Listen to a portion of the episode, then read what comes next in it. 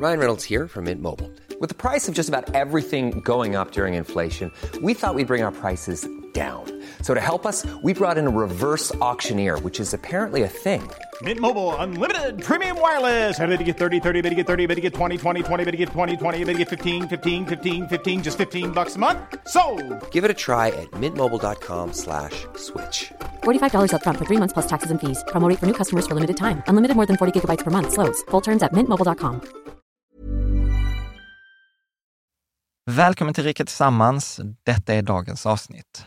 Ny EU-lagstiftning. Det har kommit, eh, under 2022 kom det en ny eh, EU-lagstiftning kring hur eh, fonder ska redovisa sina avgifter, att det ska bli mer transparens och att kostnader som tidigare bara har liksom inte redovisats ska göra, göras istället för att bara tas på avkastningen. Mm. Alla fonder kommer nu att se dyrare ut. Den här nya EU-lagstiftningen kommer medföra att om inte fonder redan har höjt sina avgifter så kommer de att göra det. Men det fina är, de här avgifterna har vi ju redan alla betalat tidigare. Så trots att det ser ut som en höjning så kommer vi inte betala mer, utan det kommer vara samma. Men man behöver inte bli chockad som jag blev, bara så gud den har blivit mycket dyr, har jag haft fel? Utan nej, det är bara att kostnaderna redovisas mer transparent och det är bra. Olika typer av avgifter.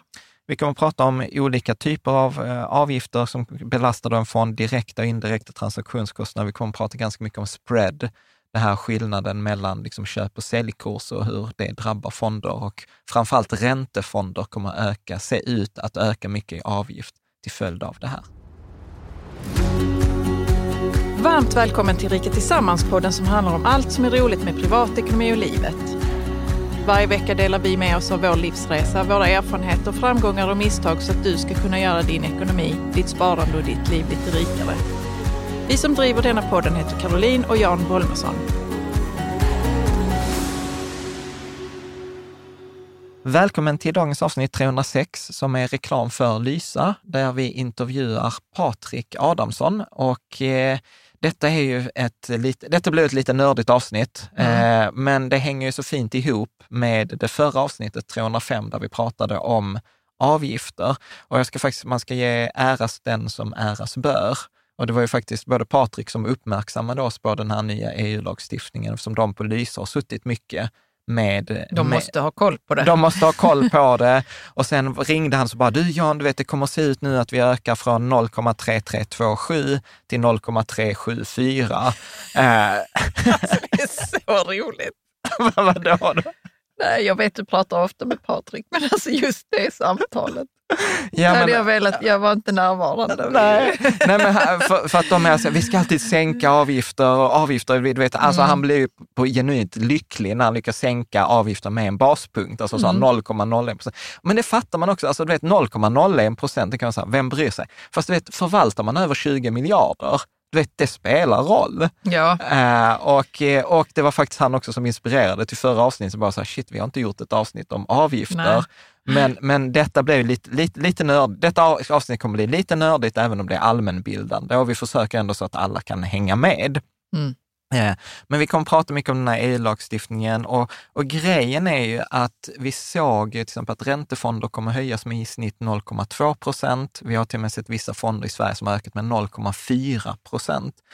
Så att jag tycker att eh, ja, men detta är intressant, detta är positivt och, och sen ska jag framförallt, efter 306 avsnitt så är det Patrik som kom med den här tumregeln för hur man snabbt kan räkna ut avgiftens påverkan som vi byggde mycket, eh, precis, mycket ja. avsnitt 305 för.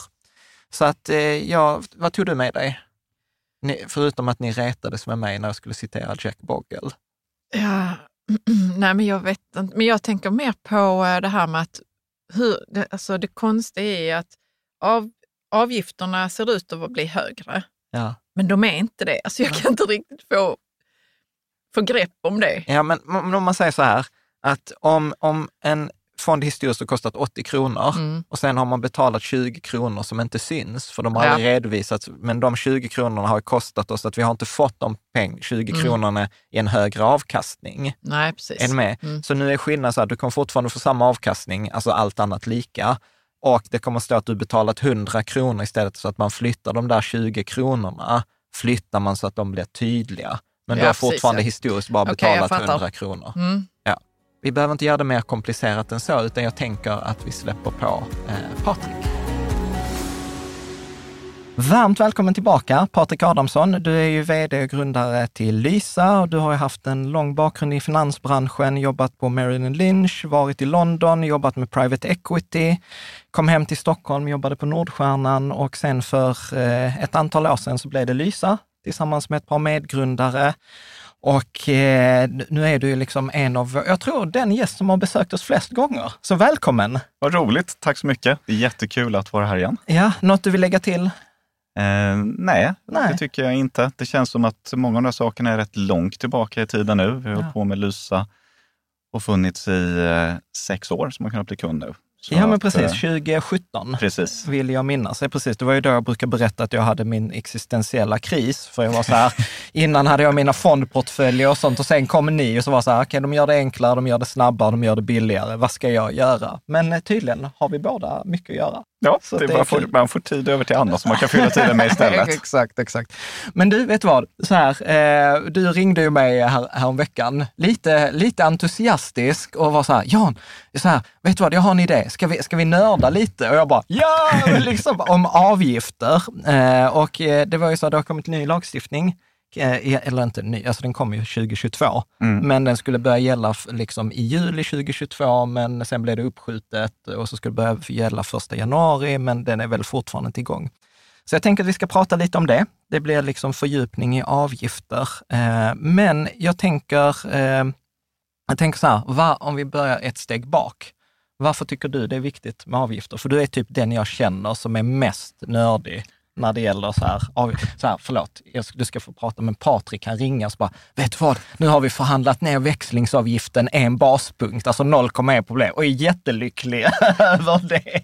Ja, nej, det är, det är väl specialintresse som man verkligen kan nörda ner sig rejält i. Och om man ska säga varför, så eh, när man tycker att det är fantastiskt roligt med sparande investeringar som jag gör och man börjar titta lite närmare på det, då kommer man rätt snabbt fram till att bland det viktigaste, om inte det viktigaste man kan tänka på, är vilka avgifter man betalar. Så att eh, det ligger väldigt varmt kring hjärtat. Men, men om du ska ta det en ytterligare så här, för den som lyssnar, varför, varför ska man lyssna på ett avsnitt om avgifter? Vad har det för påverkan på den vanliga spararens liv? Jag skulle säga att det har två stycken påverkan. Den första påverkan är att eh, du får mindre pengar över till dig själv, helt enkelt. Så att eh, du får mindre pengar att spendera på annat, ju större avgifter man betalar. Eh, och den andra delen är att det påverkar incitamenten i finansbranschen. Så bero, precis som i vilken annan bransch som det gäller, så beroende på var man som finansbolag, om man ska sälja en produkt, tjänar mer pengar eller mindre pengar, så kan det påverka hur man presenterar saker. Så det är väldigt viktigt att vara medveten om det som kund. Vilket av de här alternativet tjänar det här bolaget som jag pratar med mest pengar på? Mm. Mm. Men, För, för, jag, för, förlåt, Kerstin. jag tänkte, varför ringde du Jan och frågade om ni skulle nörda kring avgifter? Vad var det då För som att jag är lika nördig. igång det hos dig, Patrik? Bara, Vi, åh, ja, vi, har några, vi är några, rätt många på Lysa som är rätt nördiga i det här och vi satt och pratade om det och eh, då så tänkte jag lite efteråt så här att vem, vem mer kan vara väldigt nördig kring avgifter och tycka det här är intressant? Och den listan blev rätt kort. Men Jan, Jan var högst upp på den.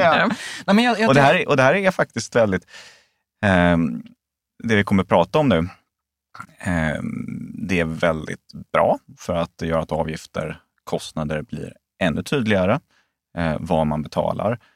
Men det är också något som har gått lite under radarn, så det är inte så många som har pratat om det här. Det finns inte så många artiklar att det har kommit en ny lagstiftning, en ny förordning och att det påverkar just för fonder och försäkringsprodukter hur man ska redovisa avgifter. Mm. Men För det var en ögonöppnare för mig, det som du sa också just med incitamenten. Att, att du sa också så att detta är ju det största problemet i finansbranschen. Att har du liksom en rådgivare som kan tjäna olika pengar, så, kan- så Olika på vad den beroende på vad den på för dig. andra sidan Mm. liksom bordet väljer, så blir det ju väldigt svårt att få liksom, oberoende eller eh, objektiv rådgivning. Eller, ja, som det bästa alternativet i fondväg för dig. Ja. Liksom. Ja. Och, och vi har ju pratat om detta i andra sammanhang, till exempel med- om man tar en bankrådgivare som ska sälja en fond som kostar 1,4 procent eller 0,2 procent. Alltså då pratar vi ändå sju gånger skillnad. Så kunden, så att jag tror det var ditt exempel, så sa du så här, men du vet, rådgivaren har råd att tappa sex kunder och att den sjunde väljer så tjänar den lika, liksom mer pengar än Mm. på de andra sex. Men Jan, du, du, på Instagram hade vi ju en graf, eller Ja. ett quiz var det väl, Ja. där vi frågade så, vad tror du eh, att försvinner, liksom, eh, hur mycket pengar försvinner Hur i mycket? avgifter? På en procent, ja. Ja, På en om procent, man har en procents avgift på sin fond. Ja. Och folk svarar fel på det, för det är så svårt att fatta att det kan vara så mycket, vad var det, 30 procent Ja, av vinsten? Eller Ja, men precis. sånt. Jag hade, jag hade ett, ex, eh, en, eh, ett exempel där jag sa så här, men man sparar i 25 år, så här 100 000 från början, 1000 kronor i månaden och så har vi två fonder, en som kostar 1,3 procent och en som kostar 0,3 procent. Eh, och eh, då, var, då gav vi alternativ så här, hur mycket mindre får man? Får man 1 procent eh, mindre i vinst, 10 procent, 20 procent eller 30 procent mindre, lägre vinst? Och då var de flesta så här, gissa på 10, 10 ja men det är 10 procent mindre. Nej men det är det inte, det är 30 procent. Ja. Och det här är rätt komplicerat för att man tänker på att man betalar för en eh, tjänst som ett finansbolag säljer, så är det rätt mycket annorlunda, eller det är oftast upplagt på ett annorlunda sätt jämfört än att man går ut och köper i princip vilken annan vara som helst. Och man kan dela upp det på några delar, men en sån här del är att istället för att, eftersom det är där ofta du har dina pengar, Mm. om det är på en bank eller du har den i en fond, så tar man ju avgiften i banken eller du tar avgiften i fonden. Och Sen kan du gå in och se vad du betalt, men inte så att du tar fram ett kreditkort och sen betalar du och sen ser du avgiften. Nej. Den är, så att det, och det är rätt naturligt att det är så just eftersom det är där dina pengar finns på banken. Mm. Och då blir det ju lättare att ta dem också, för det syns ju inte. Ja, alltså det, det, det är svårare att åtminstone hålla koll på det som, eh, som kund. Kund, ja. Sen är det en annan sån här del som ni är inne på eh, och det är att avgiften är väldigt låg idag. Mm. Så säg att man betalar 1% i avgift. Eh, Sen som ofta de här avgifterna fungerar så eh, är det ju så att varje dag då betalar man 1% delat med 365. Så att eh, då är det nere på ett väldigt eh, litet belopp som det rör sig om. Alltså mindre än 0,01 procent som du faktiskt betalar idag. Så jag kan säga, men jag kan innan jag tar tag i det, det är inte så mycket just idag, så jag kan vänta lite på det. Men som man säger, så att en procent blir väldigt mycket pengar över tid. Mm. Och då är det precis som att ränta på ränta är någonting som är väldigt positivt. Man investerar. att ja, men, Jag investerar, jag kanske har 100 000, jag får 110, 110 000 efter ett år, har gått upp 10 procent. Nästa år om jag får 10 procent till, ja, då får jag, är uppe i 121 000. För det kommer en ytterligare tusenlapp för den första jag tjänat. Så är, avgifter funkar på samma sätt, att, men negativt.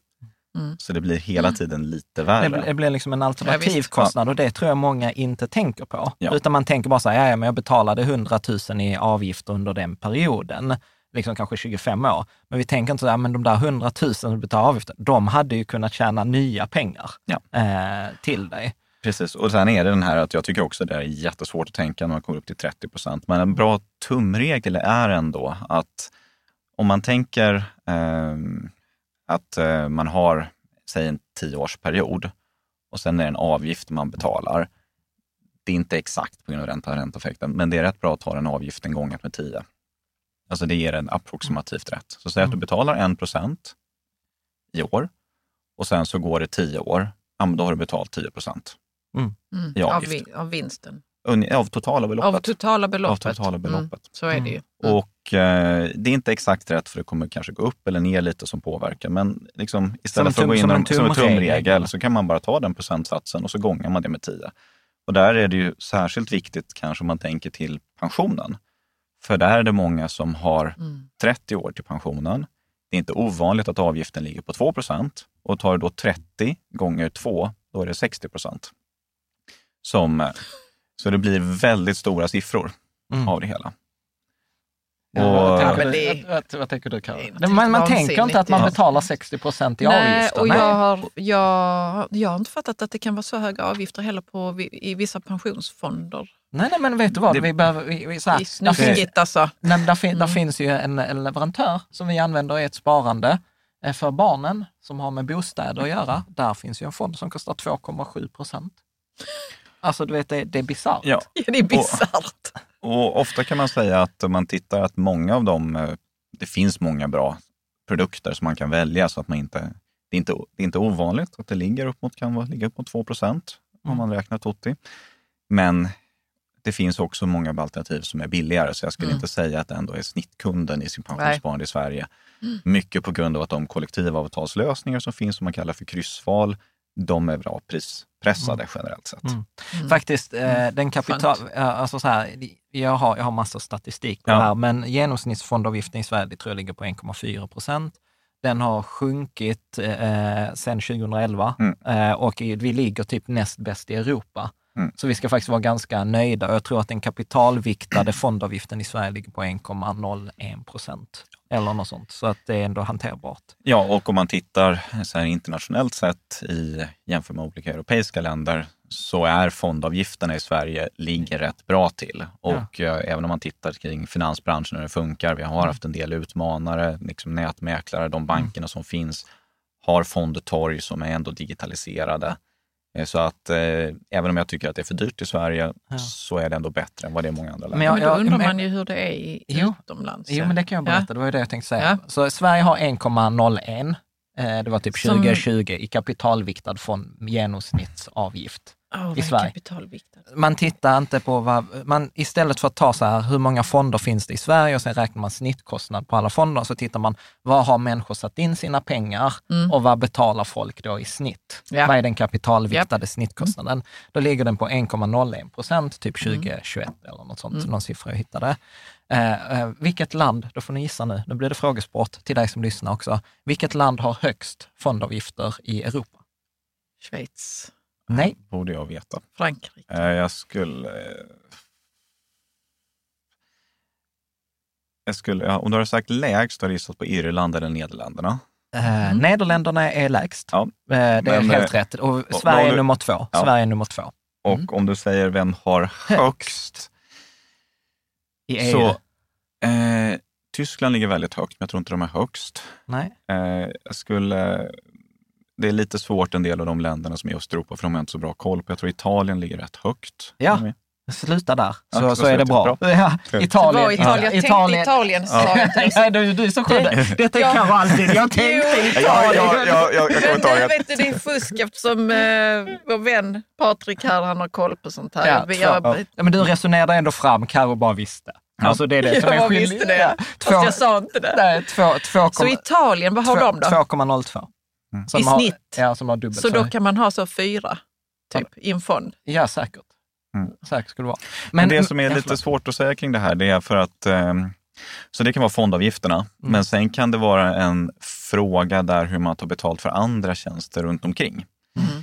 Så ibland så tillkommer det ju då rådgivning eller det kan tillkomma portföljförvaltningsavgifter eller försäkringsbaserade avgifter och liknande. Så att det är det som gör det rätt komplext också med avgifter och därför man kan nörda ner sig. Mm. Någon, kanske man lyssnar och tänker man att ja, men hur kan man nörda ner sig i en sån här sak? Men det är för att det är nästan bottenlöst på olika sätt. Att liksom hur, för det fungerar olika i olika länder eh, och det är olika komponenter. Ja. man- Jag tänker faktiskt att vi ska gå igenom alla komponenterna, men först så ska vi bli lite upprörda. Ja. Faktiskt. Eh, då fanns det en, jag vet inte om det var en studie eller en bok, eh, som hette Hedge Fund, Hedge Fund Mirage, som kom 2012 av en person som heter Simon Lack. Och han undersökte amerikanska hedgefonder. Och det här, hedgefonder, det är ju de som jag tycker är värst. Alltså de tar ju mest avgifter, de ska vara exklusiva och massa sådant. Så mellan 1998 och 2010, då tjänade de, eh, håll i er, 379 miljarder US-dollar i avgifter. 379. Vill ni veta hur mycket vinst som gick till andelsägarna under samma period? 70 miljarder. Så att det totala värdeskapandet var alltså 450 miljarder och 380 av de 450 miljarderna gick till fondförvaltarna. Så att förvaltarna tog 84 procent av vinsten, investerarna fick 16 procent. Och om man tittade på att det gick ofta inte att investera direkt i de här hedgefonderna, utan då var man tvungen att ha sådana här feederfonder, att man går via en fond för att komma åt den andra fonden. Räknar man in feederfondernas eh, avgift så tog hedgefondförvaltarna 98 procent av all vinst eh, och eh, eh, investerarna fick 2 procent. Och detta är ju så här, detta är ju varför jag tycker avgifter är viktigt, för det var ju redan Jack Bogle, han som startade Vanguard och är liksom så här typ indexfondernas fader, han sa så här, tycker du som sparar att det är rimligt att du går in med 100 procent av kapitalet, du tar 100 procent av risken, men du får bara typ 50 procent av vinsten. Om ens det. Om ens det, Mm. i vissa fall. Alltså det är som man blir mållös. Man tror inte det är sant Ja. Vad, vad, vad, vad tänker du?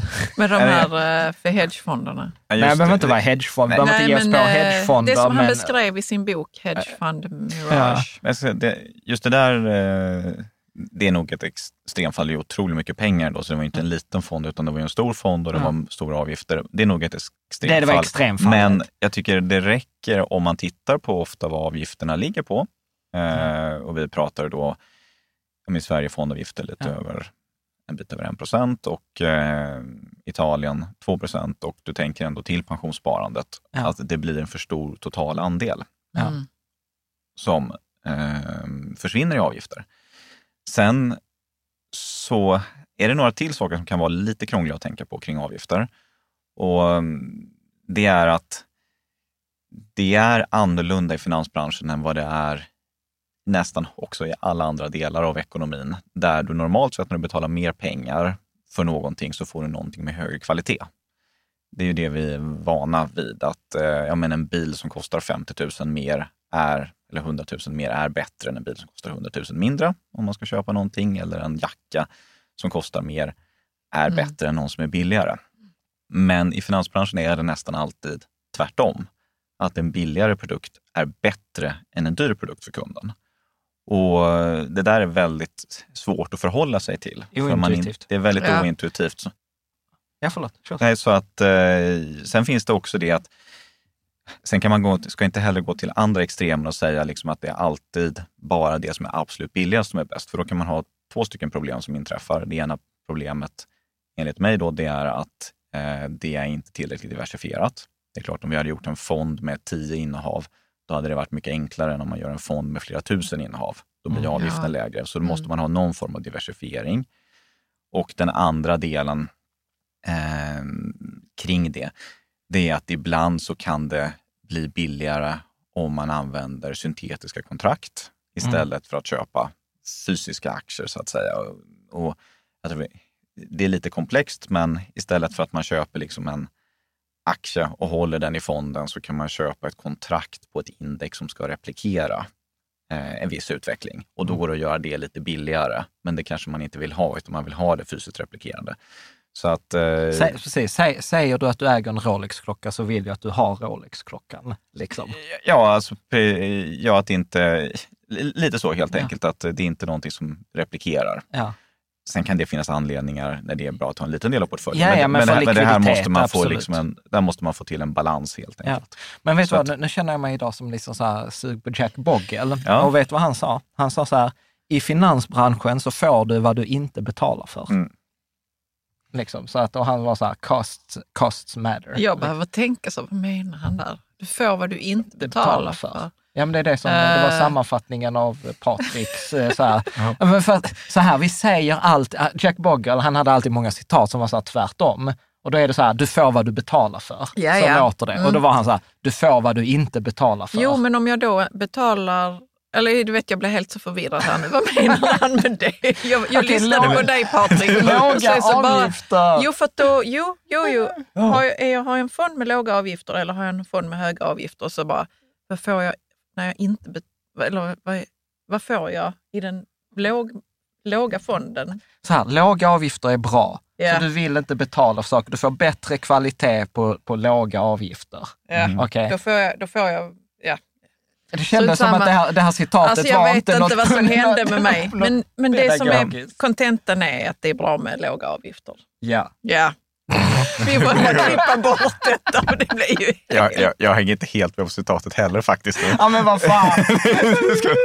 Okej, bra. Ska vi klippa bort det? Ja, jag, känner, jag känner- känner mig lite angripen här. Nej, men ta något Nej, jag annat. försöker. Ta- ta något jag tycker annars att han är bra. Ja, Jack, Jack, ja, ja, okej. Men vet du vad? Men Då- det du skulle kunna göra istället är att du skulle kunna ta den här med eh, Warren Buffett. Ja. Eh, som det här att hans kompisar som är vana att betala mycket, det är de som investerar sämst. Okej. Ja, det, ja, Känner du igen precis. Nej, jag har... Jo, jag känner också igen den. Ja. Nej, men att de som oftast har sämst eh, eh, portfölj av hans vänner, det är de som är mest förmögna. För de är vana att dela liksom deras förmögenhet och att de ska kunna betala för någonting. Då ska de få någonting som är bättre i livet. Om det är bättre i USA skolor eller vad det är, mat. Ja. och liknande. Ja. Så det hade varit ett alternativ. Okej, vet du vad? Nu tänker jag att jag byter samtalsämne här. Ja, absolut.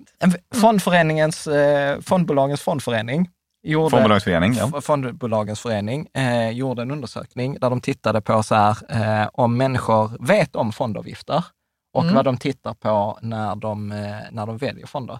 Vet ni hur mycket, vet du hur många som kollar på fondavgiften? Och hur många? Jag tror inte det är så många. Nej, 30 procent av alla kollar inte ens på fondavgiften. Så Mm. den är liksom inte ens med i beslutsprocessen. 40 procent tror jag det var, koll, 47 procent tyckte att den var viktig, men de kollar inte alltid den.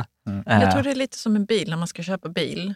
Låt oss säga att det är jag då och jag tittar så på färgen, om det är fin, liksom, fin kaross och sådana saker. Men jag kollar inte så mycket vad den kostar att underhålla. Typ. Nej, Ungefär så. nej och, sen, och, och sen eh, var det så här att f- 47 procent av alla som köper en fond, den viktigaste, detta tror jag ni kommer gissa, vad är den viktigaste faktorn?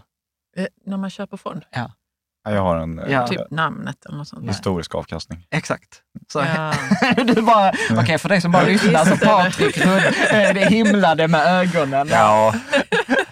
Det, nej men det, jag vet att det, det är ju också väldigt naturligt eh, att man gör det och det finns ett det kan ju finnas ett litet värde i att titta liksom på historisk avkastning. Om man tänker på, men är det här en aktiefond och hur mycket har den avkastat? Eller en räntefond och hur mycket har den avkastat? Speciellt om man tittar under långa tidsperioder.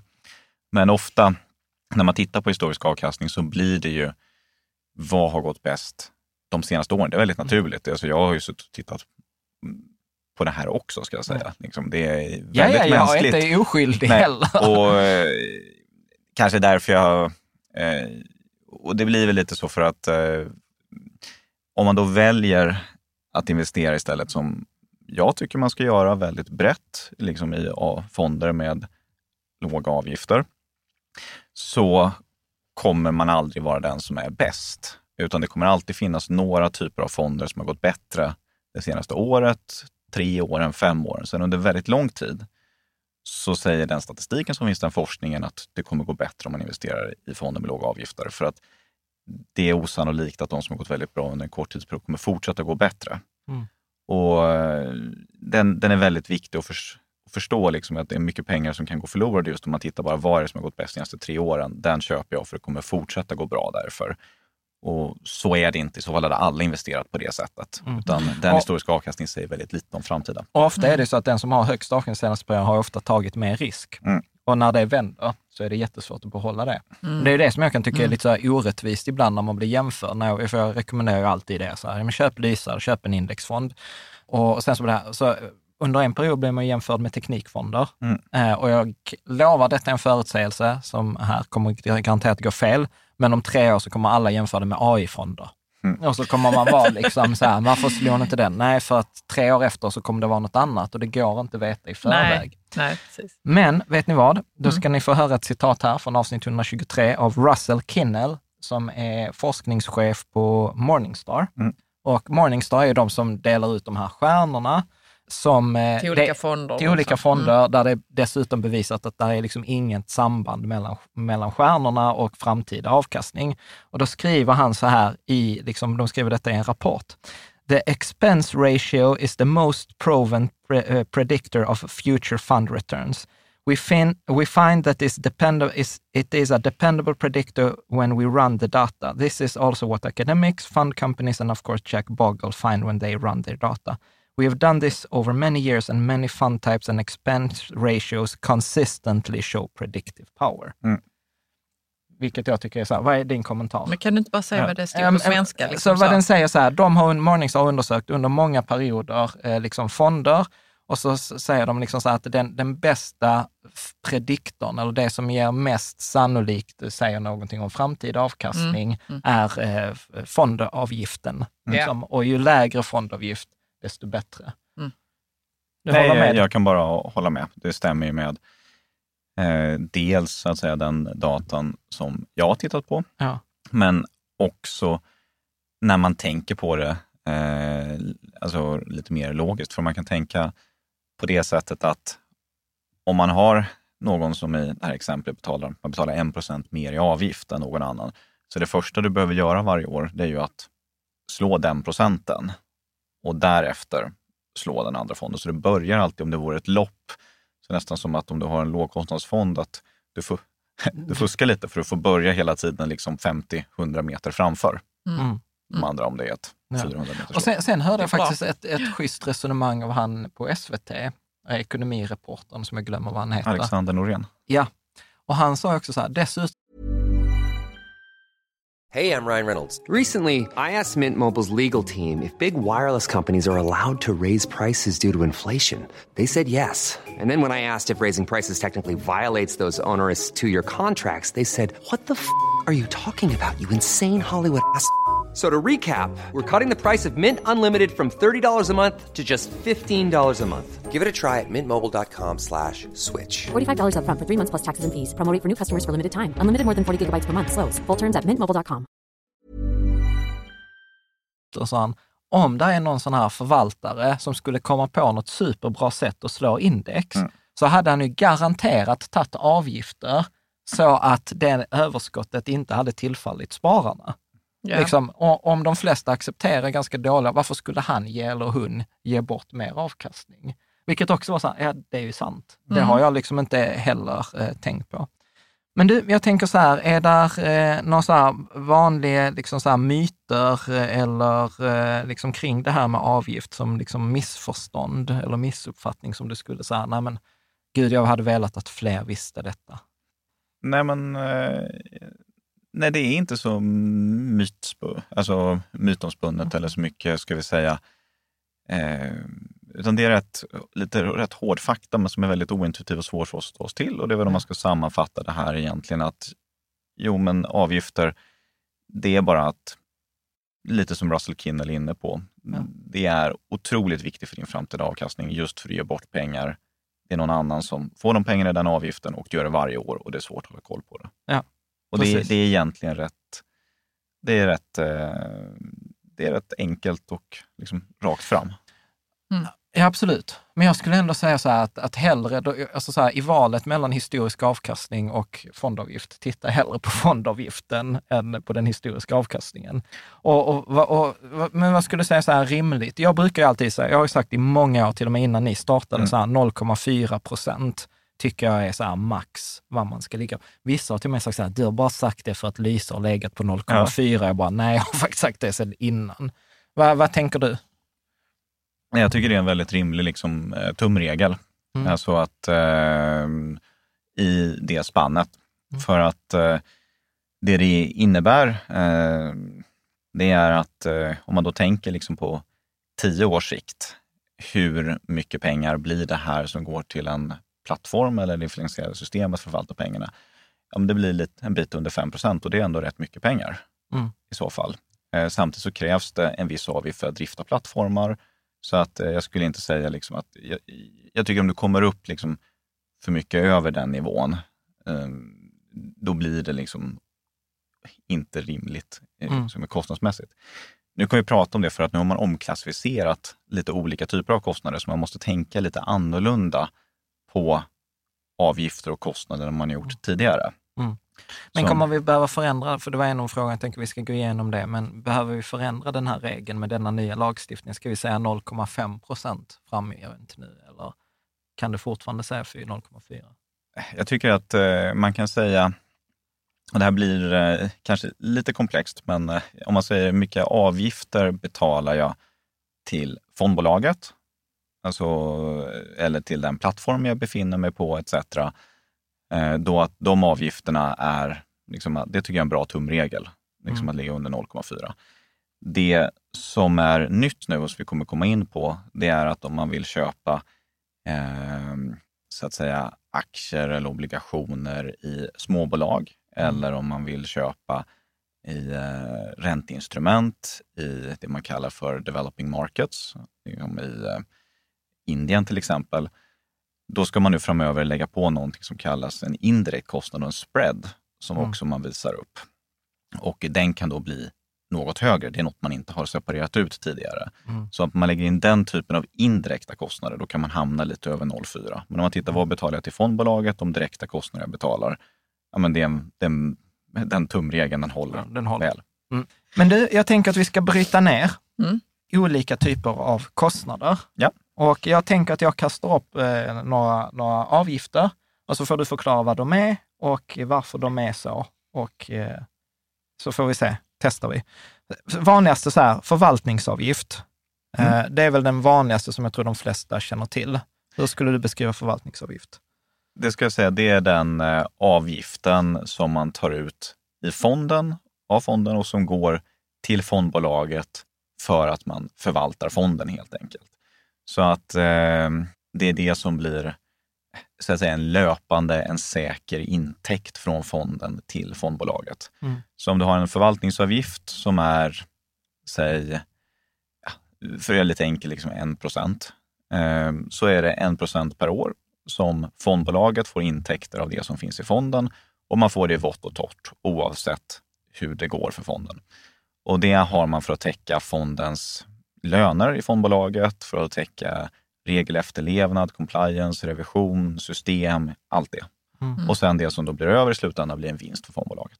Men redan här Ja. skulle jag säga så här, att så kan man trilla i diket. Ja. För att går man in då på en nätmäklare så står det så här fondavgift, eh, så står det 0,44 och sen står det eh, varav förvaltningsavgift, tror jag att det står. Mm. Eller det kanske står årsavgift. Eh, och så är det så här 0,4. Men grejen är ju så här, jag påstår ju så här, det där är ju en halvsanning. För att jag vet till exempel med nätmäklarna så är det ju inte ovanligt att man delar den kostnaden. Alltså att fondbolaget får ju bara hälften av den avgiften. Och ändå kallar vi det också liksom förvaltningsavgift. Är ni med? Så att om en fond på Avanza kostar 1 procent så Ja. tar ju ofta Avanza eller Nordnet, alltså skitsamma, men då får ju de ofta halva. Det är ju så de Ja, tjänar visst. pengar. Ja, ja. Man kan, ja, och här är det lite, och det är därför vi kommer prata lite mer om Ja. FRIP-förordningen och därför jag tycker att den är så bra, för att den förtydligar det här lite. Och det har funnits lite historiskt lite olika sätt att förklara de här kostnaderna. Så att ofta, jag tror den kostnaden som, som eh, kanske refererar till här, det är den man kallar för årlig avgift. Mm. Och då utöver förvaltningsavgiften, om du har till exempel fond i fonder, där det investeras i fonder, det finns en ytterligare kostnad, då brukar man plussa på den till förvaltningsavgiften för att få årlig avgift Mm. i det. Så att eh, så det, det är en liten, så att säga, Mm. en skillnad där helt enkelt. Men för, för det kallar man väl ibland för så plattformsavgift, eh, har jag för mig. Eller distributionsavgift, eller var det någon som tror jag kallade det. Eh, ja, alltså eh, det, det kan vara så för att, eh, och det här ser lite olika ut på olika ställen, men som det ofta är att eh, om du är en distributör av fonder så behöver du ha en sätt att få din verksamhet att fungera och det finns då olika sätt att ta betalt. Men det vanligaste sättet att få betalt eh, det är att man betalar en distributionsavgift på den plattformen. Så då får man ta från fondbolaget så ser man att här var intäkter. Mm. Man har fått det från förvaltningsavgiften och sen har man en kostnad för att distribueras som då är den provisionen som betalas tillbaka. Mm. Och här tycker jag att det har blivit liksom väldigt mycket tydligare och bättre över åren. Så nu ofta på, jag vet inte, jag kan inte säga det på alla delar, men just på, liksom, på nätmäklarna så brukar det vara rätt tydligt vad som är deras del. Mm. Ehm, Så att det har, vi har gradvis liksom en förbättring hela tiden tycker jag i eh, transparensen kring Mm. avgifter. Sen, sen kommer ju nästa, eh, som är så här ofta, eh, som man inte tänker på, men växlingsavgifter. Mm. För de, de vet ju att ni drabbas av. Ja. Eh, och ofta till exempel på nätmäklarna så är det inte ovanligt att de är 0,25, alltså 0, 0,25 procent. Och då är, tas ju de ofta både vid köp och sälj. Mm. Så köper till exempel ett amerikanskt värdepapper eller ett värdepapper i en annan valuta än sve- svenska kronor så betalar jag 0,25. Mm. Någon kommentar kring det? Det är viktigt att hålla koll på, speciellt om man investerar internationellt. Det var Ja. därför jag var inne på att om du bara vill så att säga, minimera dina avgifter, då är det bra bara att köpa i Sverige, för då får du inga växlingsavgifter överhuvudtaget. Vi försöker optimera de här Vad växlingsavgifterna. betalar ni i växlingsavgift? Det varierar lite, men det är några baspunkter mellan köp och sälj som det rör sig om. En Ja. baspunkt är 0,01 procent, så vi försöker förhandla upp det här och få det så billigt som möjligt. Och det är också sen en fördel när man handlar eh, som vi gör, för då handlar vi miljonbelopp varje tillfälle och då är det Ja. lättare att förhandla ner de avgifterna än om man köper För att valfritt för, för tusen kronor Ja, på precis. Avanza. Ja, ja, visst. Då är det svårare att förhandla dem. Och, men den här avgiften är lite annorlunda för att jag skulle säga att det här blir mer av en... Eh, här måste man vara med lite för att det är lite mer av en indirekt avgift. Eh, så att eh, om man tänker på en direkt avgift, det är någonting du kanske du köper en aktie, du betalar ett courtage. Då kan du se exakt liksom vad, vad den avgiften var så att säga eh, i kronor. Här tas avgiften, det är inte så att du säger men om du vill handla en valuta, då eh, det, det kan variera, så det kan vara en fast summa, men det kan också vara vad man säger mellan en bid-ask spread. Mm. Eh, så att det, det är någon som säger att jo, men jag är beredd att sälja den här valutan till dig för 10 kronor, men om jag köper den av dig så köper jag den för 9,98. Ja, men det är det typ, om man är Och- utomlands och så går man förbi ett växlingskontor, Ja, så, precis. så har de alltid så olika kurser om du ska sälja dina svenska Ja, ja. pengar. Mm. Och, då, och de tjänar alltid pengar. Och då tar man, och då tar man, och då tar man betalt i och med hur långt man sätter dem från varandra. Ja. Så på det sättet, så- får, och det är det man kallar för liksom en köp-sälj, Mm. säger man ofta, man säger ofta engelska bid-ask spread. Mm. Och då tar man betalt däremellan. Men, men, men jag tänker så här, om, om vi backar ett steg så är det så här, ett, om, så här tänker jag, Ja. jag kanske tänker fel, men om jag till exempel ska köpa, om jag inte nu, jag har min lek och lärhink bredvid min, min, mina lysterpengar, så går jag in på Avanza och, eller Nordnet och så ska jag köpa en amerikansk ETF och så ska jag köpa den för 10 000 kronor. Mm. Så kommer jag först betala då, eh, vad blir det, 250 kronor i växlingsavgift? Nej, jag pallar inte matten. 25, 25 är, Ja, är väl vänta, 200. 10, 10, 10, 10 procent är 1000 kronor, 1 procent är 100 kronor. Ja, men det blir eh, 25 kronor. Då kommer jag betala, så på den här 10 000 kommer jag betala 25 kronor eh, växlingsavgift. Och, och detta tänker jag är viktigt, för köper man då en, till exempel en fond eh, som, som har en avgift på 0,10, men sen så gör du både en köp och säljtransaktion inom samma år, ja, då har du betalat 0,5 procent bara i växling. Ja. Mm. Och det påverkar ju definitivt eh, liksom avkastning. Och det tänker man inte på. Och den räknas ju inte med, den syns ju inte i någon avgift. Eh, någon avgiftssammanställning. Det gör det nu och det är det som är bra med den här nya eh, förordningen. Så att även om jag ska köpa så kommer det stå så här, okej, men f- den kostar 0,10, men när du köper den så kommer det ske en växling, så då kostar den 0,35.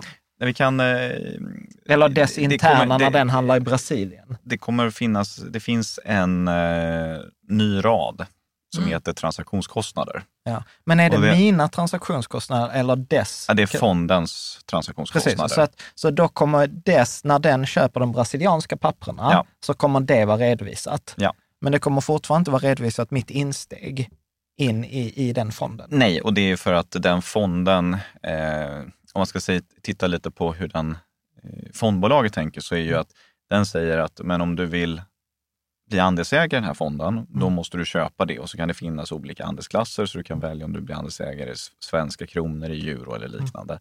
Där väljer man alltid Sverige med svenska kronor. Så du sätter in svenska kronor, sen kommer pengarna in i fonden. Och en fond kan man säga, det är ju ett, några, ett antal gemensamt ägda konton där du får en rätt till en andel Mm. där i.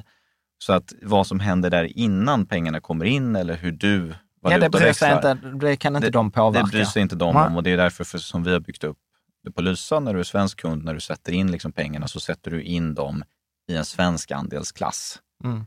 eh, i då Lysas fonder och sen går de fonderna ut i världen och Mm. köper. Och sen när vi gör det, då kan vi poola alla transaktioner så vi alltid ser till att det är miljonbelopp vi köper för. För då får vi ner transaktionsavgifterna. Mm. Där. Så det är, det är en del, så att säga, hur det, och kanske därför man är lite nördig, för det påverkar väldigt mycket saker och ting är uppsatt hos oss också. Mm. Att få bort, Klart. eller få ner avgifterna så effektivt som möjligt. Mm. Mm. Eh, nej, men för, för att det där tänker jag, och det är ju detta som gör att det blir liksom snabbt komplext, för jag behöver hålla koll på liksom så här, min sida, deras sida Ja. och, och hittills, så, så till exempel många har inte tänkt på att ja, men jag betalar en växlingsavgift. Och sen tänker ju inte många på att nej, men fonden i sig, han behöver ju också tänka på så här, Ja. okej, vilka växlingsavgifter har vi? Eller liksom courtage, eller det som vi också kom in på där med spread. Alltså vad är skillnaden mellan köp och säljkurs? Och det, om jag inte minns fel, så har ju inte fonder heller behövt redovisa spreadkostnader. Nej. Inte bara på valuta, Utan när de köper ett papper så är det så vissa som är så att nej men du kan köpa den för 10 kronor, men de som vill sälja vill bara sälja för 10,50. Precis. Då, då är det ju liksom ingen, ingen balans Nej. och då, då är det ju en spread däremellan. Mm. Eh, och det har man inte behövt, om jag har förstått det rätt. Det, det stämmer precis så. Så att, som, eh, kostnads, så att om man tar liksom ett, ett steg tillbaka Mm. så finns det väldigt mycket olika dokument när man köper en fond. Men ett så här, nyckeldokument, det är det man i Sverige kallar för fondfaktablad, KID. Ehm, ehm, för ehm, om man är utomlands. Men fondfaktabladet ehm, har sett ut på ett visst sätt och varit uppspesat då med kostnader på ett, på ett visst sätt. Och nu har den här nya PRIP-förordningen som står för Package Retail eh, Investment and Insure Space Products. Så liksom, EU älskar sina förkortningar. Ja. Du har liksom Mifid, eh, du har PRIP, du har UCITS, AIFMD. Det känns liksom supertråkigt. Men det som är bra med alla de här förkortningarna är att de bidrar till en mer harmoniserad och mer transparent finansmarknad. Så att de här förkortningarna de är väldigt bra, men sen blir det rätt komplext rätt snabbt. Och där behöver man nu sätta upp kostnader. Det finns lite olika delar i den här PRIP-förordningen, ska man säga. Men om vi ska fokusera på det som jag tycker är mest intressant och spännande, då är det liksom den här kostnadssidan som man nu sätter upp på ett nytt sätt Mm. jämfört med hur det har sett ut tidigare. Och vad skulle du säga är de stora skillnaderna då? Det är just att man tar med eh, transaktionskostnader på ett Mm. annat sätt än tidigare. Och det gör att eh, vi har suttit och estimerat dem för fonder som vi har investerat i, våra kunders medel i tidigare, Mm. om det är liksom är Vanguard eller om det är Blackrock eller vad det är. Och har försökt ha en di- diskussion med dem. Eh, för att, eh, men det har inte funnits så att säga enhetligt, utan nu finns det ett enhetligt sätt för transaktionskostnader. Och man har också tagit med de här spreadkostnaderna. Vilket gör att om man tittar på den totala kostnaden för alla fonder som redovisar det här nu, i princip har ju gått upp i Sverige. Ja. Därför. Ja. För att man lägger på de här extra kostnaderna. Men, men, men, men det där är viktigt också tror jag. Och, och, återigen, det som Så. blir lite klurigt, för att jag, jag, så här, jag kommer inte betala mer idag än vad jag betalade igår. Nej, Men det kommer, när jag tittar på siffrorna så kommer det se ut mer, för att nu är ju allt transparent. ja, Innan blev ju det bara i form av lägre avkastning. precis. Så att det här är ju inga nya alltså, kostnader. Eh, de här transaktionskostnaderna, både de direkta och indirekta, men det är att de inte varit uppspesade på det här sättet tidigare, Mm. som de nu blir. Och det är någonting som i grunden då är väldigt positivt. Mm. Eh, man får ha lite tungan rätt i mun när man tittar på dem för att förstå lite vad det är, för det finns två olika typer. Mm. Ehm, som, som jag ser på det, då, de här direkta kostnaderna som är courtage till exempel. Eh, Det finns en del som betalar provisioner eller andra, men framför allt courtage. Och sen den andra delen, du, du, man kan säga det, de är väldigt synliga. Du får en nota på det, du kan titta på alla noter i slutet av året. Nu pratar jag för fondbolaget, inte Mm. för Ja, kunden, men du kan liksom summera upp det fondbolaget. Så här mycket har vi betalt i courtage och sen kan du ha det i årsredovisningen på fondbolaget. Mm. Sen har du den andra kostnaden, så här, men vad var spreadkostnaden? Och som vi estimerade så är det spreadkostnaden som är den största delen av de här nya transaktionskostnaderna. Den är nog uppåt 80-90 procent av det som totalt står under transaktionskostnader. Och det är mer, men hur effektivt köpte man och sålde den här aktien, obligationen, valutan, ETFen inom ramen för fonden? Och då tittar man vid varje transaktion så har man det man kallar för ett ankomstpris som är precis när man tittar om man har tittat på en aktie eller varit inlogg men precis som en valuta kan man säga. Men jag är beredd att köpa den här. Det finns ett köp och sälj spread. Så att okej, men jag vill köpa en aktie av företag X. Ja, men du kan eh, köpa den för eh, 100 kronor. Men om du vill sälja den, då får du sälja den för 98. Och sen finns det en viss volym tillgänglig vid varje sån här punkt. Så det kanske är någon som är beredd att sälja för 100 kronor 5 000. Och då säger man att ankomstpriset är snittet mellan 98 och 100, så 99.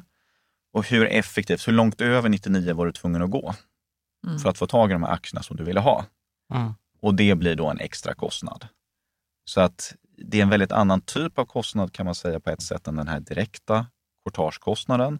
Men det säger någonting om effektiviteten i handeln. Och det finns många aktörer i finansbranschen som får betalt inom den här bid-ask-spreaden. Om du till exempel är en market maker. Nu är vi verkligen ner på de här nörddelarna. Så det är väldigt bra ändå att ha den och se den. Vad tänker du Caroline? Jag vet inte. Jag... Nej, Varför tittar mig. För jag, jag tycker detta är Jag försöker spännande. lyssna här nu, förstå detta och så Ja. bara, Ja, men jag, jag, jag, tycker inte det är så lätt. Nej, det Nej. förstår jag och det här är väldigt liksom... eh, Ja. Men, men så att, om jag, jag tänker om vi tar två steg tillbaka, alltså, Det ett steg ba- tillbaka och sen tar två steg fram, så, så upplever jag så här, ja men det blir inte högre avgifter än vad det var tidigare. Nej. Det är nummer ett. Men det förstår jag. Ja. Nummer två, det blir tydligare redovisning Mm. av de här avgifterna. Mm. Nummer tre, så skiljer man eh, på direkta och indirekta kostnader. Så Ja, det är ett fattar- sätt som jag gör. Ja. Ja. Och, och där tittar man på så här, okej, men vad betalar jag för att genom, för genomföra affären? Att någon köper, liksom att jag skickar ut någon och så säger de så här, okej, men vi tar 100 kronor för att genomföra affären. Men sen ska du ju dessutom titta på vilken nivå genomför jag affären? Och då är vi tillbaka på den där tavlan när man är utomlands och tittar på valutorna. Och nu pratar vi inte om valutorna, utan nu pratar vi om enskilda aktien.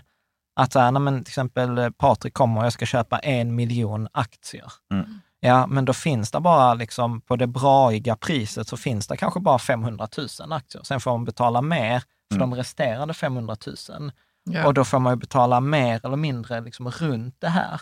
Och innan har man inte behövt redovisa detta. Nej, med? men varför vill man nu göra det då? Ja, för att man kommer till exempel kunna se så här, vem slarvar, vem är duktig på det? För någon som är en dålig, dåligt implementerad fond kommer ju betala mer. Med? Och, och, då, och detta är ju direkta pengar jag inte får något värde för. Så jag vill ju Absolut. precis... Men är det, för, är det för investerarens skull eller är det, är det liksom Varför- mångfacetterat var, varför man Nej, har den varför här man- nya pripp Nej, men varför man gör det är väl för att det ska bli rätt, mer rättvist att jämföra, tänker jag. Ja, precis. Och då blir det en extra fond, blåslampa bara, för nu kan man se tydliga transaktionskostnaderna, vad de är för någonting, för att se hur effektiv är den här fonden när den handlar. Och vad man kommer väl märka nu, gissar jag, är det inte så att där är vissa som har simmat utan badbrallor? Jag Liksom att komma stå där med brallan, med rumpan bar och vara så här, shit, nej men de var inte så effektiva. För jag tänker så här, för detta fattar jag ju inte från, när var det, corona 2021? Mm. När, när det sket sig liksom eh, där under våren och man inte fick ut, eh, eh, liksom vi hade Spiltans räntefond som bara låste allting så Avan- man kunde inte få ut pengar från Avanza, ni blev ju också påverkade och massa andra. Och det var så här, då lärde jag mig att tydligen mycket av handeln med räntor i Sverige, där är ingen automatisk marknadsplats, utan det är så här folk som ringer till varandra och liksom sätter de här priserna själva. Så att om jag ska gissa, så skulle jag väl säga så här, till exempel att vi, räntefonderna borde ju se mycket dyrare ut eftersom de jobbar på en mycket mer ineffektiv marknad. Kan man säga så? Ja, så, så kan man... eh, Så, Hängde så, du med? Ja, Ja, och så, eh, så blir det också. Eh, om man tittar, eh, sen beror det lite kopplat till om det är så att man eh, har globala liksom statsräntor, ja men då är det en lite mindre så att säga spread, transaktionskostnad. Mm. Om det är så att man har eh, företagskrediter, kanske speciellt om man liksom, så, så blir de dyrare. Mm. Därmed, ju mer man kallar det för high yield, högavkastade, så ser man att spreaden är högre. Och det är ofta för likviditeten, alltså tillgängligheten är sämre och därför blir de här spreadarna. Så jag tror liksom en snittspread, när vi tittat på, vi har tagit in och tittat på all data som finns eh, i Sverige, så är en snittspread på en fond som distribueras i Sverige som håller på med räntor ungefär 20 punkter. Så att jag, min gissning är så att noll, typ, räntefonder borde idag öka med typ 0,2 procent. Om man tittar liksom den totala kostnaden som bara summerar upp alltihop i eh, Fondfaktabladet, så ungefär det i snittet. Ja. Ja, hur ser det ut för andra fonder, aktiefonder och indexfonder? Jag skulle säga för eh, aktiefonder generellt sett så eh, ligger det inte så mycket under 0,2 utan ungefär 0,17 ungefär. Ja. Eh, för indexfonder så brukar det vara betydligt lägre som det rör sig om, utan där kanske det är 0,05, alltså fem baspunkter Ja. Ungefär. Och då beror det lite på hur bred indexfonden är. Är det så att den bara investerar i Sverige ehm, så brukar det vara lite lägre. Om det är så att den investerar i USA så är det lite lägre. Om den investerar globalt, då är det lite högre. Ja. Så, att- så att man, jag tänker, man kan tänka så här, att en fond som typ förra året, eller som man är van, tänker så här, den har mm. kostat 0,2, ja då kommer den kosta 0,25 om det är så här global Ja. indexfond. så den kommer att öka i, i kostnad? Nej, men, men du kommer inte betala mer än vad du gjorde förra året, för förra året hade den samma kostnader var Men bara du, att jag var, inte såg du, du inte Såg dem såg inte dem? Nej, Nej. för Är det fanns inte Ja, ja. ett krav Mm. på att rapportera avgifter på det sättet. Så, att det, Mm. det, vi har, eh, så det vi har gjort liksom historiskt, då har vi haft liksom en rad som heter transaktionskostnader och sen har vi Mm. tittat på vad våra fonder betalar för transaktionskostnader. Det som är nytt nu för oss är att vi får tillgång till även underliggande. Vad har Vanguard betalt för transaktionskostnader? Vad har Blackrock betalt för transaktionskostnader? På ett strukturerat och enhetligt sätt. Mm. Den datan har inte varit det på samma sätt. Man har inte kunnat hitta det i de fondfaktabladen. Och därutöver så finns det också då en metodik som är rätt omfattande som säger de här indirekta transaktionskostnaderna, spreadkostnaderna, eh, hur man ska räkna ut dem. Så det Mm. kan man göra också. Så att du får en, hela den här bilden tillsammans. Och för mig är det väldigt bra, för det gör att det är väldigt svårt för mig att tänka på någon jag tycker att man får en väldigt bra överblick på liksom de kostnader som finns. Det blir ett annat mått på effektivitet i fonderna som man kan använda i sitt urval. Eh, och jag tycker att med det här så fångar man en tydlig helhet på alla kostnader och avgifter i fonder. Ja, men, eh, och, och det gör man i hela EU. Ja. Det gör man hela Gör man det någon annanstans i världen också på det viset? Nej, nu, Mm. nu är det ju så att när jag tittar, för mig vetligen så är det här, gör man inte det i USA. Nu, nu har inte jag Mm. jättebra koll på det, för Mm. att när man säljer de här produkterna till europeiska investerare, då vill man att de ska vara, i vi i alla fall, de här UCITS-produkter.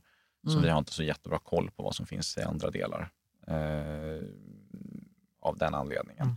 Så eh, jag vet inte exakt, eh, men jag tror inte att någon annan gör. Nej. Men, men till exempel så här historiskt, när jag har jämfört er, så har, ju ni, så har jag gjort en egen så här 100% aktieportfölj som vi har i forumet. Så här bas, vi var så här, vi, vi ska se om vi är lika bra som Lysa. Eh, och då fick vi ihop en portfölj typ för 0,3 och sen såg vi att om man hade 100% aktier hos er så var det 0,33 Mm. eh, ish. Kommer, kommer er så här 0,33 nu öka?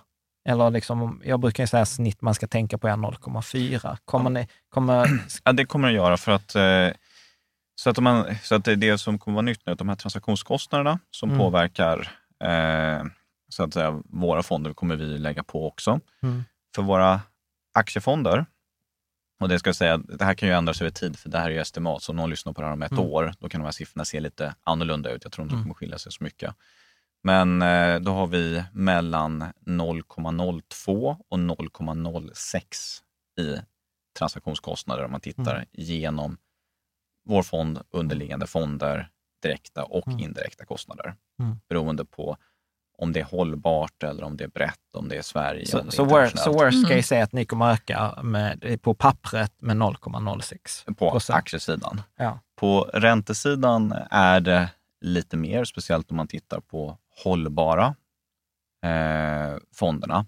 Så att, eh, och där ligger det eh, mellan eh, 0,09 och 0,16 Mm. om man räknar in den totala avgiften eftersom det är lite högre på räntor. Så under snittet vad det ligger i Sverige och internationellt, men det blir liksom en högre siffra totalt. Ja. Mm. Så vad, vad kommer vara eh, max man betalar hos er? Så på aktiesidan, om man kör liksom 100% aktier, då kommer man ligga under den här 0,4. På räntesidan så kan man komma upp till, om man ska jag säga det är nästan inga kunder, som, det är väldigt få kunder som har liksom 100 procent 100 räntor i just den här hållbara portföljen. Men då kommer man upp om ungefär 0,55 i totalt. Ja. Okej. Så Mm. Ja, ja, men bra. kan man väl säga också Ja. att om man vill veta exakt hur det påverkar eller hur det ser ut för ens eget sparande så finns ju det i inloggat läge Ja. på Lysa. Vad tänker du Kalle? Jag Förlåt. tänker inte så mycket, jag bara häng, försöker hänga med Men det här i är, ert nörderi. ja, men det, Ja, men det går- är, det är går det? lite, Ja, det går. men just de här, ska vi säga, just de här transaktionsavgifterna, de är, eh, det är rätt komplext och man måste nästan, för att förstå exakt hur det går till, så behöver man egentligen sitta i branschen. Och jag tror att om man tänker lite som sparare, Mm. då är det jättebra för att då kan man tänka att ja, men okej, men det finns transaktionsavgifter. Jag har ett hum om vad de här transaktionsavgifterna är för någonting. Man kan tänka på den här valutatavlan Mm. som med köp, köp och sälj. Man kan tänka på courtage man betalar.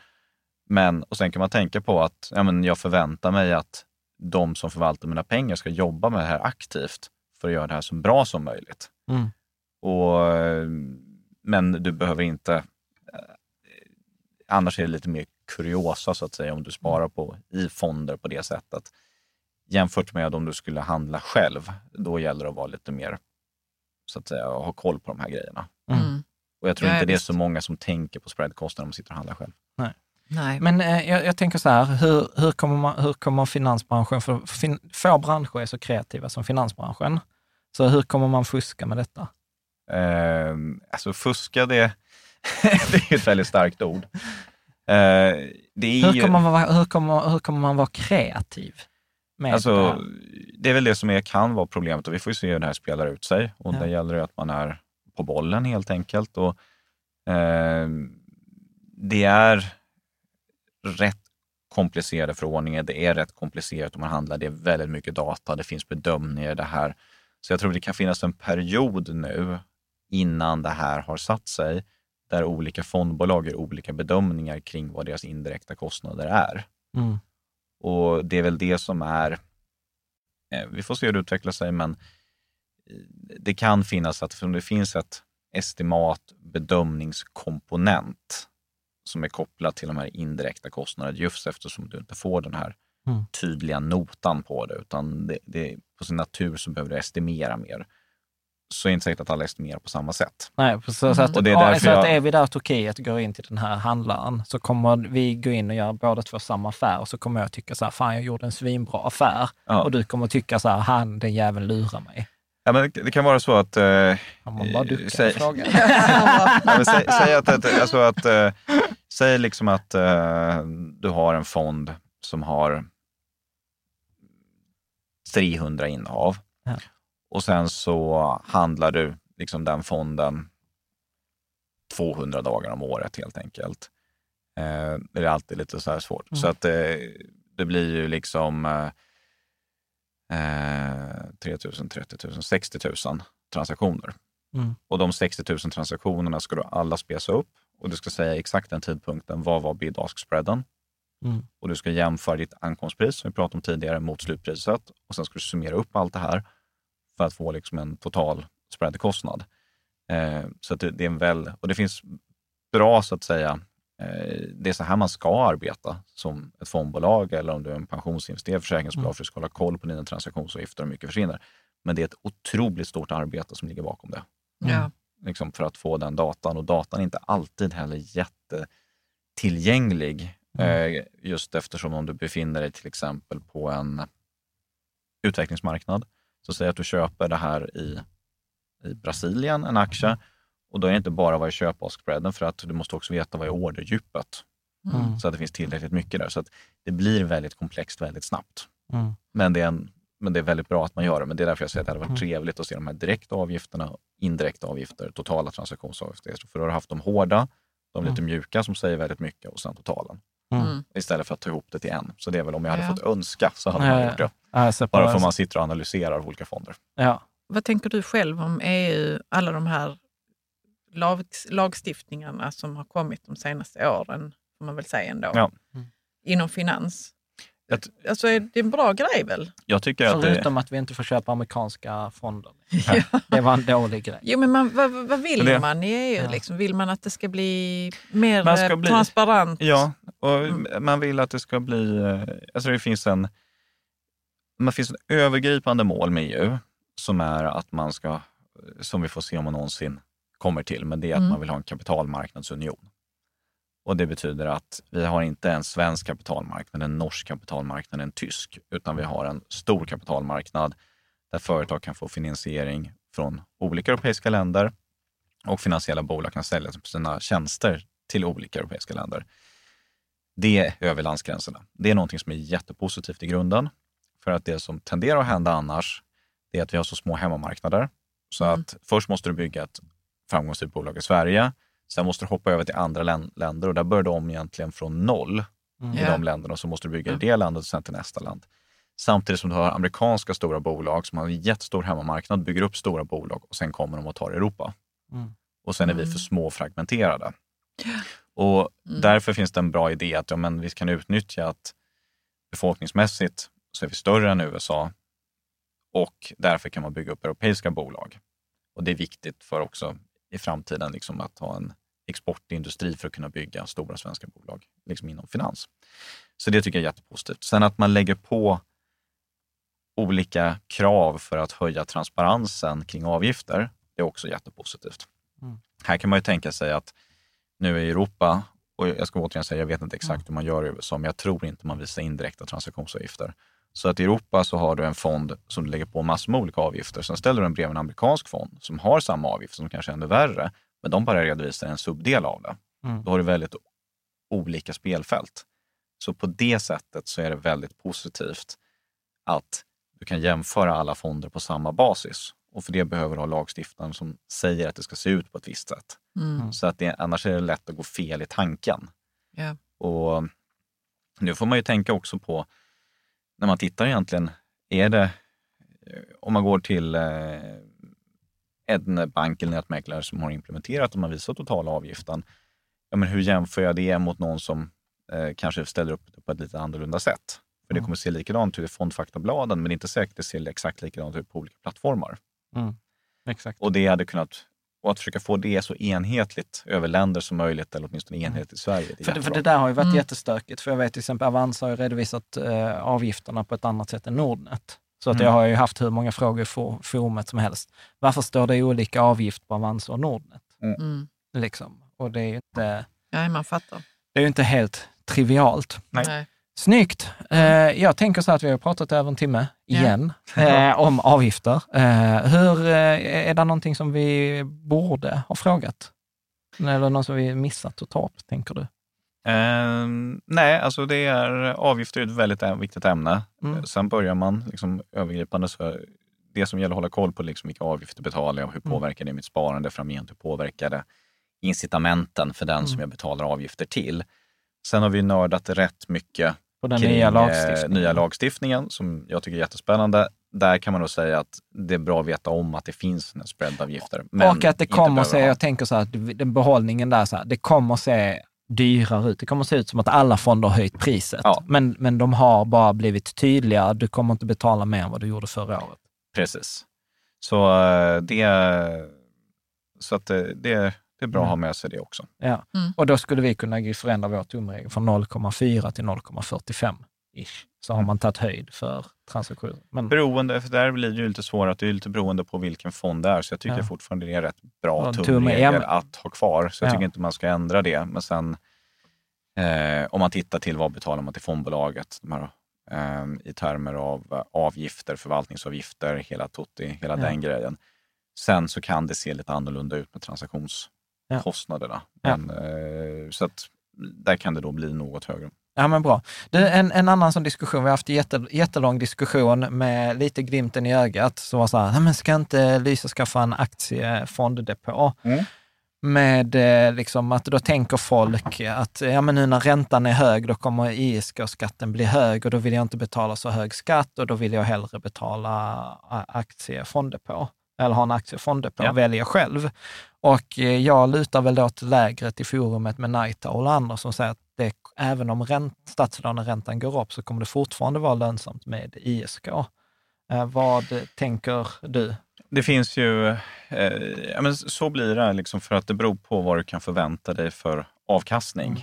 på um, dina um, obligationer. Och eh, nu befinner vi oss i en sån miljö där en förväntad avkastning på obligationer är betydligt högre än det var Mm. tidigare och det gör att den här schablonskatten på ISK? ISK kan Hög, gå upp öka. som den har gjort, men det är är fortfarande lönsamt. Noll, jag tror 0,8, är det inte 0,8 för 2023?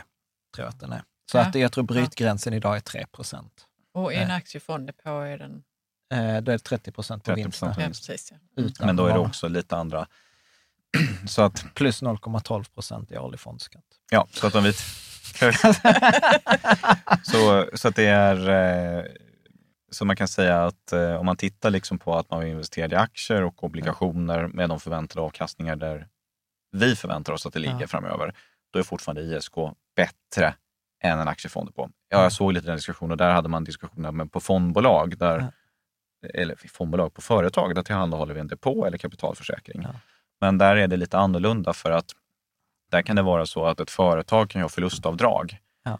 Eh, och då kan det vara så att det är bra att ha de pengarna på om man bara tänker från ett skatteperspektiv, då kan man vilja välja att ha det på en depå för att använda det mot de förlustavdragen och inte bli Skatt. schablonbeskattad. Ja. Jag tänker vi har bara tre minuter kvar på inspelningen, min kamera Mm. lägger av. Mm. Eh, har du något nytt sånt här sämsta rådet till finansbranschen? Sämsta rådet till finansbranschen?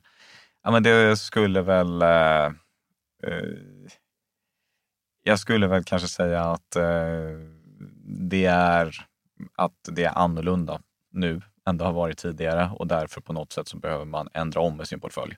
Mm. Det är ju ofta så att nu i samband med att det är lite högre inflation och det är väldigt, alltså vi står inför en väldigt utmanande situation när man eh, från regeringshåll förutspår en recession de närmsta tre åren.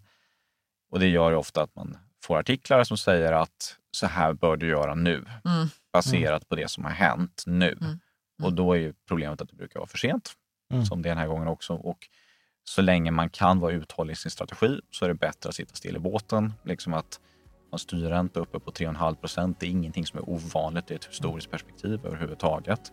Ehm, så att eh, Mm. det, För, för att citera Jack Bogle, bara sitt där, gör ingenting. ja, Gi- Gick den hem? Ja. Den, Den eh, För han brukar säga, för man brukar säga don't just Sit there, do something. Ja. Och han säger, är just sit there, do nothing. Ja. Det var bra. Ja, det, då fick jag till det. Ja. Så här skönt eh, i slutet. Ja. Patrik, ett fantastiskt stort tack som vanligt. Eh, och tack, själva, Tack. jättetrevligt. Eh, och tack för jobbet du och dina kollegor gör med Lysa. Vi är ju fans, som du vet. Tack. Tack så mycket.